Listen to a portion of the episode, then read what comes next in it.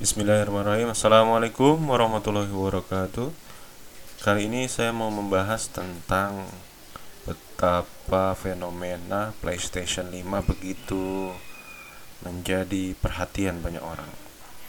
Dari segi marketing mungkin ini adalah salah satu cara yang dilakukan oleh Sony Agar menjadikan produk ini sebagai produk yang sangat diimpikan. Tapi di sisi lain sebagai konsumen sebagai pengguna itu sangat membuat gundah membuat frustasi karena ketika launching di Indonesia paling belakangan mungkin salah satu atau yang paling belakangan. Padahal dari segi dari segi market itu wow luar biasa banget Indonesia kan tapi selain itu yang membuat makin gundah adalah harganya. Karena ketika belum resmi masuk Indonesia, kita pasar itu disuguhkan oleh produk yang dari Jepang atau dari Eropa atau dari Singapura yang sudah duluan. Mungkin ada juga yang dari US. Terus harganya harganya itu ketika produk didatangkan dari luar kan itu menjadi sekitar kurang lebih 14 jutaan. Itu untuk sebuah unit PlayStation 5 yang disc edition. Jadi ada disc ada yang digital version. Dan kelihatannya sih orang-orang lebih memilih yang disc ya karena pertimbangan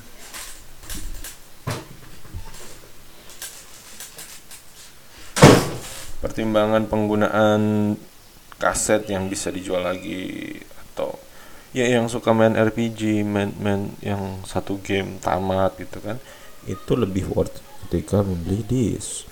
Namun kalau pemain yang dia apa ya nggak nggak suka jual kaset dan apa dia mau lebih apa simple oh minimal ya beli yang digital version.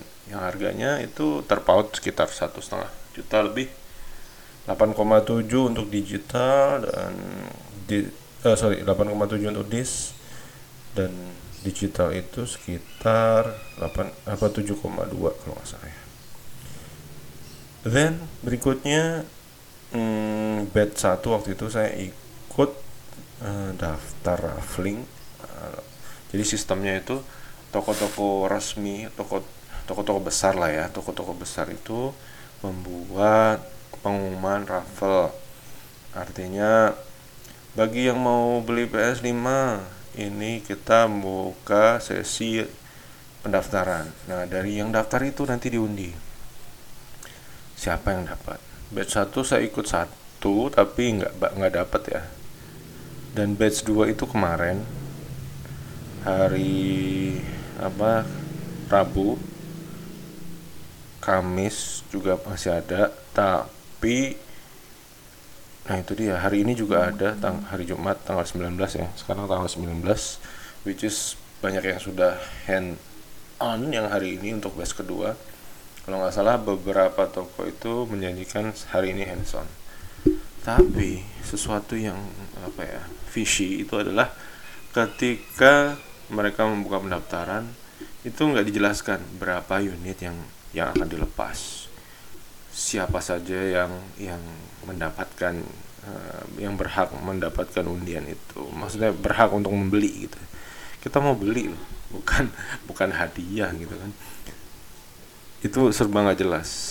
Jadi transparansi itu hampir nggak ada ya. Di di toko-toko itu mereka hanya menyebutkan uh, pendaftaran dari jam uh, hari ini tanggal segini jam segini sampai jam segini. Kemudian ada juga yang yang cepet-cepetan kayak di beli ada juga yang kayak gitu ya. Ada juga yang priority untuk customer. Dan akhirnya itu membuat kecurigaan banyak orang. Kenapa uh, Sony membiarkan praktik-praktik perdagangan e, seperti ini yang tidak transparan gitu. Yang membuat para user itu curiga. Sehingga gimana ya kalau sudah tidak transparan. Kayak misalkan beli-beli itu dia buka berapa kloter batch kedua itu hari Kamis kemarin eh iya hari Kamis kemarin itu jam berapa ya jam 9 jam 8 kemudian jam 11 atau 12 saya saya ikut jam jam jam 4 ya 4 sore sama jam 7 malam. Ada 4 batch tapi nggak dijelasin. Nah, maksudnya berapa item yang dijual kemudian ya kita kayak blind gitu sebagai konsumen. Nggak tahu berapa item siapa yang menang. Jadi cuma bilang uh, pemenang uh, ini toko-toko ya beberapa toko ya. kemungkinan sih hampir semua ya. pemenang akan dihubungi lewat WA atau email dan mereka tidak rilis berapa item yang dijual berapa piece yang dijual hmm, siapa saja yang mendapatkan itu kita kan sebagai konsumen harusnya merasa apa ya ya curiga lah bukan harusnya memang merasa curiga. Akhirnya nanti dalam waktu dekat pasti ada scalper scalper yang menjual dengan harga tinggi ya, misalnya 14 juta lah sekian sekian sekian lah.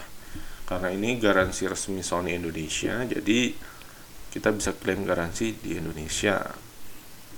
Ya meskipun banyak juga yang suka Japan version dengan konsekuensi masing-masing ya kalau ada kerusakan atau apa mereka nggak bisa klaim garansi di Indonesia.